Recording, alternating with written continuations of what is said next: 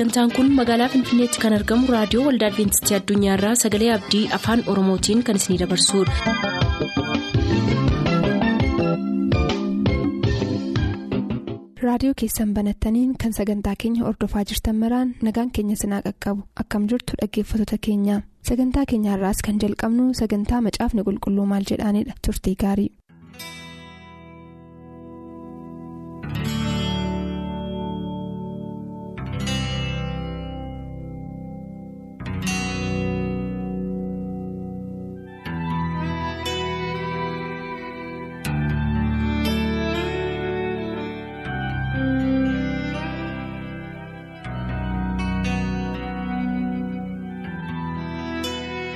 Nagaan keenya jaalalaaf kan kabajaa bakka jirtan maratti sinaa qaqqabu akkam jirtu jaallatamoof kabajamoo dhaggeeffatooti sagalee abdii torbanitti guyyaa tokko kan isiniif qabannee dhiyaannu sagantaa kitaabni qulqulluu maal jira jalatti har'as egaa gaaffilee simbiraanuu ga'an kan dabareen isaanii ga'e isiniif qabannee dhiyaanneerra kan naa wajjin jiru akkuma yeroo dheeraa tajaajila isaatiin eebbifamaa turtan. har'as dabalataa wayyaa keessummaa koo kabajaati isinis toorarra nu wajjin turaan afeerraa kooti gara sagantaa keenyaatti isin dabarsuu dura dabalataa wayyaa wajjin kadhannaa godhannee galla. maqaa gooftaa yesus kiristoosiin galataaf ulfina siif dhiyeessina abbaa keenya yeroo kana sagalee kee kanarratti akka dhiyaannee sirraa barannuuf yeroo kana fakkaatu dhaggeeffatoota keenya wajjin waan nu laatteef maqaan kee haa eebbifamu. ammas ati anaaf obboleessa koo iddoo kanatti dhaggeeffatoota bakka bana isaanii ta'anii dhaggeeffataa jiran kanaa wajjin akka taatu dhoksaa sagalee keetii akka nu barsiiftu gaaffileef deebii macaafni qulqulluun maal jedhaa irratti dubbannu hundumaa irratti hafuura keetiin akka nu barsiiftuuf gara dhaggeeffatoota keenyaa dhattee hafuura kee erguudhaan lapheef yaada isaaniitti akka dubbattu namni gaaffii kana deebisuuf miti hafuurri qulqulluun kee nu haa barsiisu. Cubbuu keenya nuuf dhiisii. Maqaa yesuusiin. Galatoomi dabalaa egaa akkumaan jalqaba caqasuuf yaalee torbanitti al tokko kan nuyi dhiyeessinu gaaffilee dhaggeeffatoota keenya biraa nu ga'aniif gara toora reediyoo keenyaatiin deebii isaaniif laachuuf yaallaa har'ammoo gaaffiin jalqaba irratti carraa argatte kan dhaggeeffataa keenya teephoo adulaatii gujii oddoo shaakkisoo irraatti kan inni nu gaafate. Teephoo adulaa maal jedhaa Maarqos boqonnaa sadii lakkoofsa 28 irratti namni hafuura qulqulluu arrabsee dhiifamaan qabu jedha. Tokkoffaa as jalatti waaqayyoon arrabsuun ni danda'ama jechuudha akkas taanaan. Lammata immoo hafuura qulqulluun waaqota sadan keessaa olaanaadha. Inni sadaffaan immoo hafuura qulqulluu arrabsuu jechuun mataansaayyuu maal jechuudha. Hedhee nu gaafata gaaffiinsaa kan biraan illee jiru jalqaba kanneen irratti haasofneetu. Gara gaaffii teephoo adulaa kana fuutti immoo darbinaa jechuudha. Kitaabni qulqulluun maal jedha? Tole girmaa yeroo dheeraadhaaf akkuma irratti mari'achaa turre gaaffii dhaggeeffatoota keenyaa baay'ee kan namatti toluuf macaafa qulqulluu kan nama barsiisudha jedhee yaada. Gaaffiin obboleessa keenya amma gaafates waaqayyo isaa eebbisu nan jedha teephoo adulaatiin. Gaaffiinsaa maa inni sirriimatti waan gaafatamuu qabu namni hafuura qulqulluu yoo arrabse dhiifama hin qabu jedha kan jedhu. Kiristoosii yesuus gaaf tokko dubbatee ture. Ilma namaatiif kan arrabsu dhiifama hin argataa garuu hafuura qulqulluu kan arrabsu hin dhiifamuufi jechuudhaan dubbate. Obboleessi keenya kanarratti hundaa'uudhaan gaaffii kana waan gaafate natti fakkaata. Waaqayyo si haa eebbisuun jedha. Namoota baay'eedhaaf gaaffii ta'uu danda'a yaada dubbiin kun. Ilmi namaa eenyu hafuura qulqulluu arrabsuun maal jechuudha dhiifama hin qabu jedhumoo maal jechuudha kan jedhu. Gaaffii nama hundumaa ta'uu waan danda'uuf bakka dhaggeeffatoota kaanii bu'ee gaafachuu isaatiif baay'ee nan galateeffadha. Haa ta'uyyuu malee waaqayyoon arrabsuun ni danda'amaa obboleessi keenya gaaffii yommuu gaafate. Macaafni qulqulluun waaqayyoon arrabsuun akka inni danda'amu iddoo baay'eetti kaa'a girmaa'e. Kanaaf macaafni qulqulluun fakkeenyaaf Daani'eel boqonnaa torba lakkoofsa 25 irratti wanta barreeffame tokko jira kan inni jedhu. Isas Daani'eel boqonnaa torba lakkoofsa 25 menuu dubbisi. Daani'eel boqonnaa torba lakkoofsi 25 isa hundumaa gararraa jiru irrattis in dubbata. Ayyaana beekamaa seera waaqayyoo geddaruu in yaada. Warra isa hundumaa gararraa jiruuf qulqullaa'an in dadhabsiisa. Isaanis bara tokkoof bara lamaaf bara walakkaadhaafis harka isaatti in kennamu. Hiikkaasa haaraa kanarraa. Fayyaa ta'ii Kanuma inni kan oneesimoosii kan oneesimoosiin hin qaba. Kooraanis abbaa irratti ni dubbata. Qulqulloota abbaas ni cabsa. Baraaf seeras diddiiruu ni yaada. Harka isaattis ni kennamu. Hamma baraatiif hamma barootaatti hamma walakkaa baraattis jedha. Amma iddoo kanatti yommuu ilaallu kooraan abbaa irratti haa dubbatuuf qulqulloota abbaa hin cabsaa kooraan abbaa irratti hin dubbataa. Bara barootaaf walakkaa baraatiifis kana hin godha. Harka isaattis hin kennamu kan jedhudha. Isuma kana gara mul'ata boqonnaa kudha sadii lakkoofsa shan yoo dhanne immoo maal jedhaa afaannis kennameefi kooraan abbaa irratti akka dubbatuuf gooftummaanis kennameefi haa godhuuf ji'a afurtamii lamadha. Gaarraa irratti bara tokko jechuun waggaa tokko bara lama waggaa lama walakkaan baraa ji'a ja'a kana guyyaatti yommuu deebifnu guyyaa kuma tokkoof dhibba lamaaf jaatama akka inni fidu beekamaadha. Ji'a afurtamii lama immoo akka lakkoofsa birootaatti ji'i tokko soddoma waan qabuuf. Soddoma si'a afurtamii lama immoo baay'ifnu kuma tokkoof dhibba lamaaf jaatama guyyoota fida.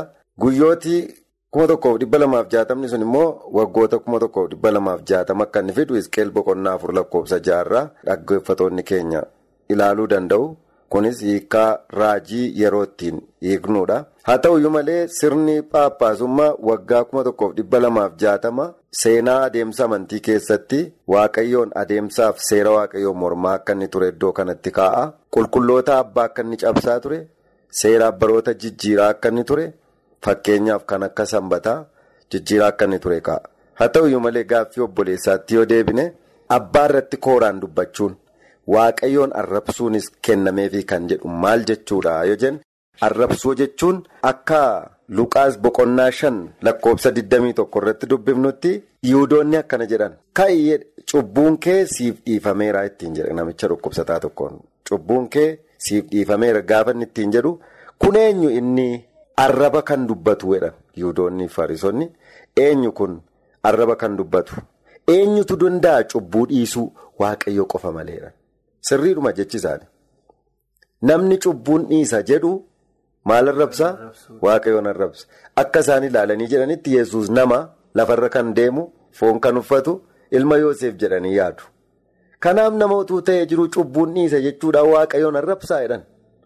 Kanaaf macaafni qulqulluun iddoo kanarratti kan hubannu maa inni nama ta'ee cubbuunan dhiisa kan jedhu waaqayyoon maal godhaa?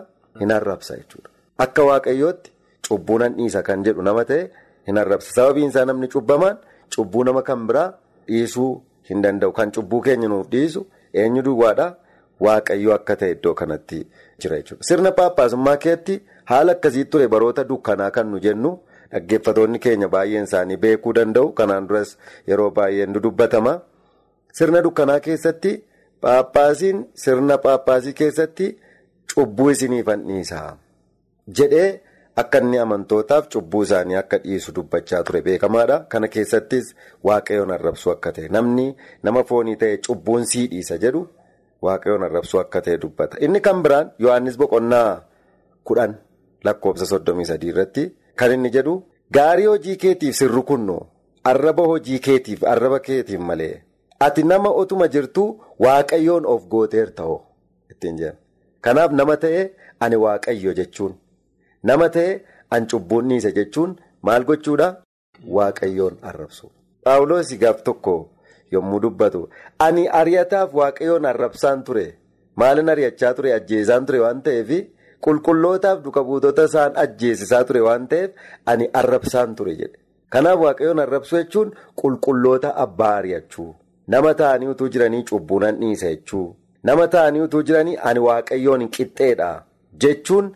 Waaqayyoon arrabsuu akka ta'e hafuura qulqulluu arrabsuu akka ta'e iddoo kanarratti macaa qulqulluu irraa argachuu dandeenya. Kanaaf waaqayyoon arrabsuun hin danda'ama. Waaqayyo akkas ta'e akka nu nama tokko arrabsunutti utuu hin taane hojiin nuyi hojjennu yaadni nuyi yaadnu haala amma dubbachaa turreen deemsi nuyi deemnu waaqayyoon arrabsuu akka ta'e baay'ee rakkoo akka of keessaa qabu macaafa qulqulluun lafa kaa'aa jechuudha. Galatoomi dabalaa gaaffiin dhaggeeffataa keenyaa kun egaa haala baay'ee gaarii ta'een deebi'eeraaf jedheen abdadhaa caalmaatti immoo heertuulee nuyi caqasaa turre yoo itti fufee nu wajjiniin qayyabatee fi hin hubata jedheen abdadhaa kanaaf gaaffii isaa keessaa immoo hafuura qulqulluun waaqota sadan keessaa isa olaanaadha hidhee kan inni dameetti baasee gaafate jira kanarratti. Baay'ee gaariidha. Hafuurri qulqulluun hojiin hafuura qulqulluu maayini yoo jenne miira laphee keenyaa dubbisuu miira laphee keenyaa taasisuudha. Laphee irratti hojjeta hafuurri qulqulluun. Fakkeenyaaf roomee boqonnaa saddeet lakkoofsa kudha ja'a mulaallu hafuurris hafuura keenyaaf dhugaanii ba'a nuyi ijoollee waaqayyoo akka taanedha. Kanaaf walitti dhufeenyi jiru samiif nu gidduutti hafuurri keenya jira.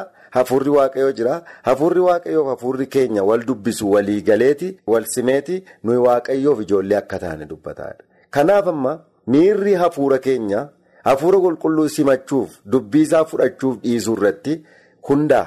Kun immoo maa inni hafuurri qulqulluun lapheen keenya amma banamaa akka ta'e ammam sagalee waaqayyoof iddoo akka kennu madaala jechuudha. Kanaaf hafuurri isaa hafuura keenya wajjin ergii walii galee booddee ijoollee waaqayyoo akka taane dubbachuu dandeenya jenna. Inni kan biraan.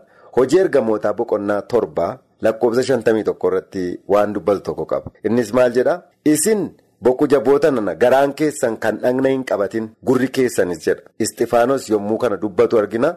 Isin gara jaboota nana garaan keessaniif gurri keessan kan dhagna hin qabatin.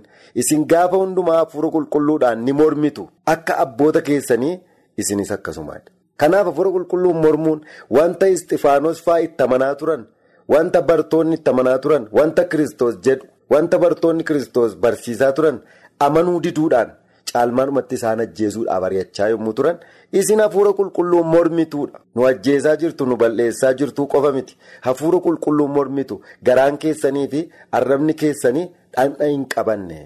Wanti nuyi dubbannu, wanti nuyi ijoollee waaqayyoo irratti dubbannu, wanti nuyi seera isaa irratti dubbannu, wanti nuyi ijoollee waaqayyoo ari'achuudhaaf balleessuudhaaf goonu miirri akkasii hafuura qulqulluun mormuu akka ta'e. Dhugaan hafuurri qulqulluun nutti dubbatu nama waaqayyoo keessa ta'e dhugaan sagalee waaqaa nutti dubbatamu ittiin dinnee mormine laphee keenya cufuu ammaa ammaa gara keenya sagaleen isaa dhufu laphee keenya yoo cufne hafuura qulqulluu arrabsuudha. Kanaaf garaan keessan kan dhagna hin qabanne hafuura qulqulluu jalaa kan diddan akkuma abboonni keessan gara jabeetan isinis garaa kan jabaattan kanaaf gara jabeeyyii ta'uun hafuura qulqulluun mormuu akka ta'es iddoo kanatti. hubachuu dandeenya jechuudha. Kan biraan ibroota boqonnaa kudhan lakkoofsa 29 irraa hammam kan ammaatu isinitti fakkaata ilma waaqayyoorra kan ejjetu isa isaan qulqullaa'e dhiiga kakuusaa kan xureessu hafuura ayyaana waaqayyoos kan arrabsuudha. Kanaaf hafuura waaqayyoo arrabsuun hin danda'ama maaliin dhugaasaa dhiigasaa yommuu akka gatii qabutti lakkaa'uu dhiifnu yommuu hojii ilma waaqayyoorra ejjennu. Isaan dhiiga isaa dhangalaase yommuu dhugaarraa gorru hafuura qulqulluun arrabsama. In salphataa jechuudha. Kanaaf hamma mammaata seetanii jechuun gara cubbuun namaa namaa akka hin dhiifamnetti isin guddisa. Kan biraan maa inni fariyooniin ilaaluu dandeenya jechuudha. Fariyoon dhahichi tokko lama sadii afur shan ja'a amma kudhaniitti yommuu bu'e hin dide hafuura qulqulluu jala. Dhahichi tokkoffaan isa barsiisee darba. Hin deebine. Dhahichi lammaffaan isa barsiisee darba. Hin deebine. Dhahichi sadaffaa farfaffaa akkasuma. Yommuu jalaa qabuu didu garaa jabeessaa deema. Kanaaf maa inni fariyoon garaasaa hin jabeesseedha. Waaqayyo garaasaa jabeesse fariyooniin jechuun maal jechuudha? Ammas ergaatti erga ragaatti ba'a. Hin fudhatu fariyoon. Garaa jabeesse. Ammas hin fudhatu fariyoon. Ammas itti erga. Fariyoon gaafa fudhachuu dhiisu ergaan garasaa itti deddeebi'ee deddeebi'ee akeekkachiisa dhufaa jiru yommuu fudhatama dhabu waan hojjetu qaba. Garaa jabeessaa deema. Kanaaf sagalee waaqayyoo billaa qara lamaatiidha.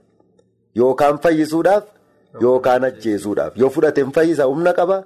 Yoo dhiise immoo humna qaba maal gochuudhaaf ajjeesuudhaaf kanaaf hafuura qulqulluu kan arrabsu kan itti fufu kan jalaa didu inni booddee cubbuunsaa akka hin dhiifamne ta'a jechuudha. Maa jechuudha namaan dhiifamu jechuun cubbuu godheedhee hin amanu tola itti fakkaata cubbuun hojjetu. Kun immoo gara gara jabinaatti adeemsisa. Inni kan biraan isaas boqonnaa ja'a lakkoofsa kudhanii yoo ilaalle. Sabni Israa'el dhaga'anii hin dhageenye arganii hin argine. Dhaga'anii gurra qubatan waanta ta'eef amma dhaqiitii isa xumuraa garaa isaanii ija isaanii jaamsi gurra isaanii duuchi laphee isaanii duuchi ittiin jedhe. Kanaaf maayin itti cufa balbala jechuudha. Akka jechuun maa jechuudha raawwatanii akka qalbiin jijjiirranneef amanuu akka isaan hin dandeenye gargaarsi hafuura qulqulluu irraa ka'a jechuudha. Gargaarsa hafuura qulqulluu irraa deema jechuudha. Kanaaf walumaa galatti kana fakkaata. Galatoomii dabala waan yaadachiise qaba al tokko yoo yaadatta ta'e bala'ame dhaqeen ijoollee Israa'eliin abaara malee ittiin jedhee waaqayyoon kadhatee kadhatee ture dhiisi ittiin jedhee ture waaqayyo. Haala lamaan tokko dhiisi ittiin jedhee dhumarra garuu dhaqe ittiin jedhe. Kana jechuun yoo si dhiisee lafuma barbaade dhattaa jechuudha fakkaatu. Waaqayyoo eegumsa sirraa kaasnaan. Ati waaqayyoon dhaga'uu dinnaan lafa barbaadde dhaquu hin dandeessaa jechuudha achii booda. Waan ati cubbuu akka gaarummaatti ilaalu achii booda. Hafuura qulqulluu jalaa didanii isa teettee na yaadachiise waaqayyo isaa eebbisu. Egaa hafuura qulqulluu arrabsuun maal jechuudha isa jedhu ibsiteetta gaariitti. Kanuma duukaa immoo dhaggeeffataan keenya kun gaaffii kan biraas gaafateera. Gaaffiin inni gaafate Maatiyoos boqonnaa 28 lakkoofsa lamaa fi Luqaas boqonnaa 24 lakkoofsa lama wal bira qabeetu. Iddoo kana lamaan irratti wal duraa duubaanii kan dubbatamu inni tokko dhagaan awwaalicharraa garagalfamee argatan jedha. Inni tokko immoo dhagaarraa galagalchee argatan jedha. Kan akkamitti walitti araarsinaadha yaadi isaa yeroo gooftaan yesus du'ee du'aa ka'ee taatee sana barreessitoonni yeroo gabaasan akkaataa isaanitti dubbatan irratti gaaffiin inni qabu jechuudha. Tokko akka wanta dhagaan ofii irraa galagaleetti ibse kan biraan immoo akka wanta namni dhagaarraa galagalcheefittidha. Akka jechuuti yaadi isaa waldhiitaa waaqoo waldhiituu baates akkamitti araarfama akka jechuuti. Asirratti waan itti dabaltuuf qabdaa? Ammaanumaaf ati girmaa'e amma utuu hojii tokko nutti kennanii gabaasa dhiyeessaa jedhanii hojiinuma bifa tokko nutti kennanii gabaasa dhiyeessaa jedhanii bakka garaagaraatiin kan gabaasa dhiyeessinu. Akkaataa ibsa keenyaatti gabaasa dhiyeessina. Amma Maatiyoos boqonnaa 28 lakkoofsa lama irratti ergamaan dhagicharraa galagalchee kan jedhu dubbisna jechuudha. Ergamaan dhagicharraa galagalchee. Kana booddee ergamoonni lama akkasittiin mata duree miinjala dhaabbatanii lama ta'aniitu argamanii jedha. Attamitti dhagaan sun akka garagale attamitti yesus du'aa akka ka'e bal'inaan gabaasa dhiyeesse. Maatiyoos jechuudha. Waa'ee haala du'aa ka'uu kiristoosiif haala ergamaan du'aa ka'uu kiristoosiif keessatti hirmaannaa godhe iddoo sanatti argamuu isaa walitti dabalee bal'inaan gabaasa isaa dhiyeessee ture. Garuu gara Lukaas boqonnaa 24 lakkoofsa lamaan mudan haala du'aa ka'uutiif haala ergamaatiif akkaataa dhagaan otoo garagalee otoo hin ta'in haala namoota sanaati. Argatanii jedha. Kanaaf gaggabaabsee garagalfamee argatanii lama immoo uffata adii uffatanii iddoo sanatti ergamoonni argamaniiru. Erga jedhee booddee haala ittiin bartoonniif dubartoonni galiilaa du'aa ka'uusaa itti dhaqan. Ergamaan isaaniin maaliif isa jiraataa warra du'an keessa barbaadu? Inni hin jiru ka'eera malee.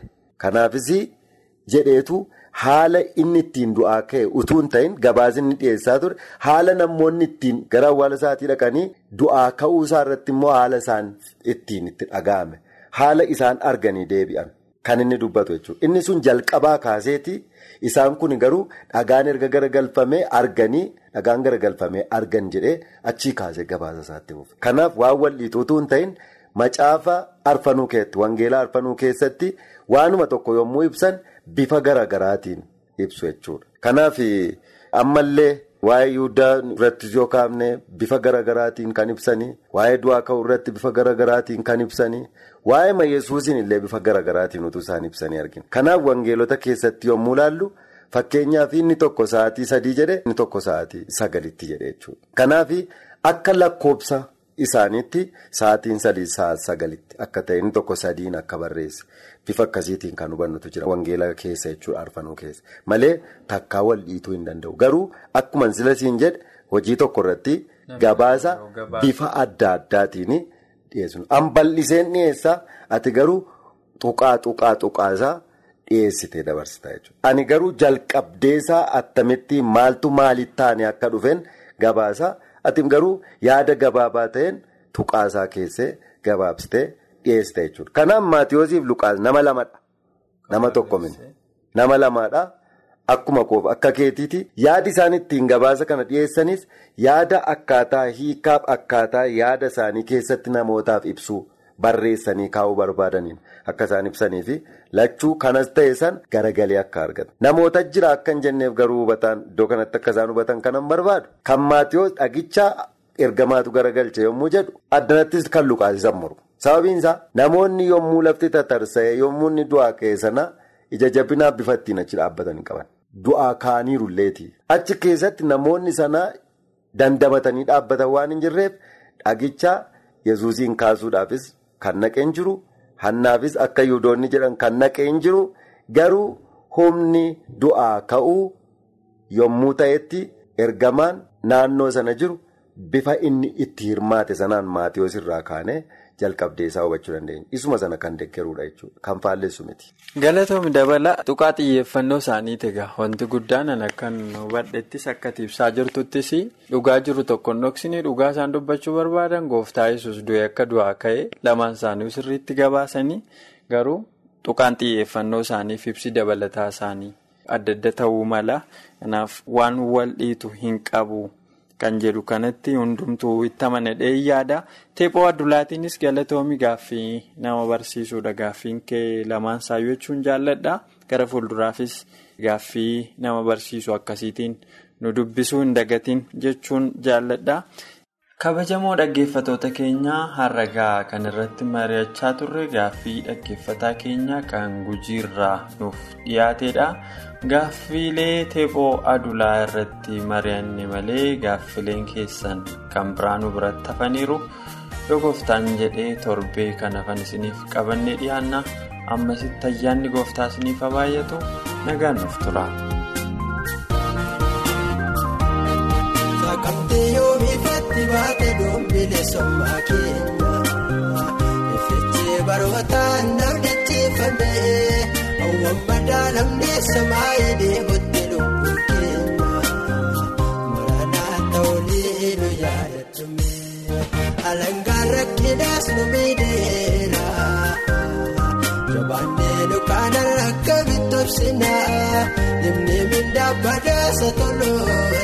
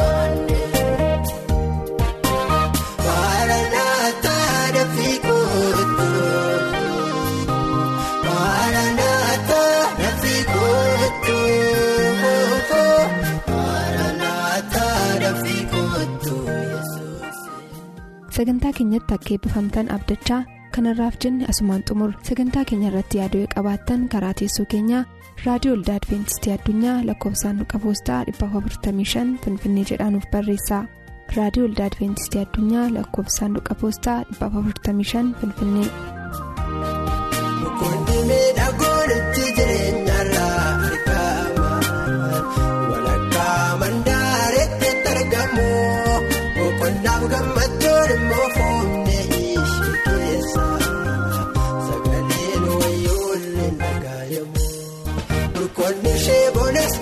Burqoonni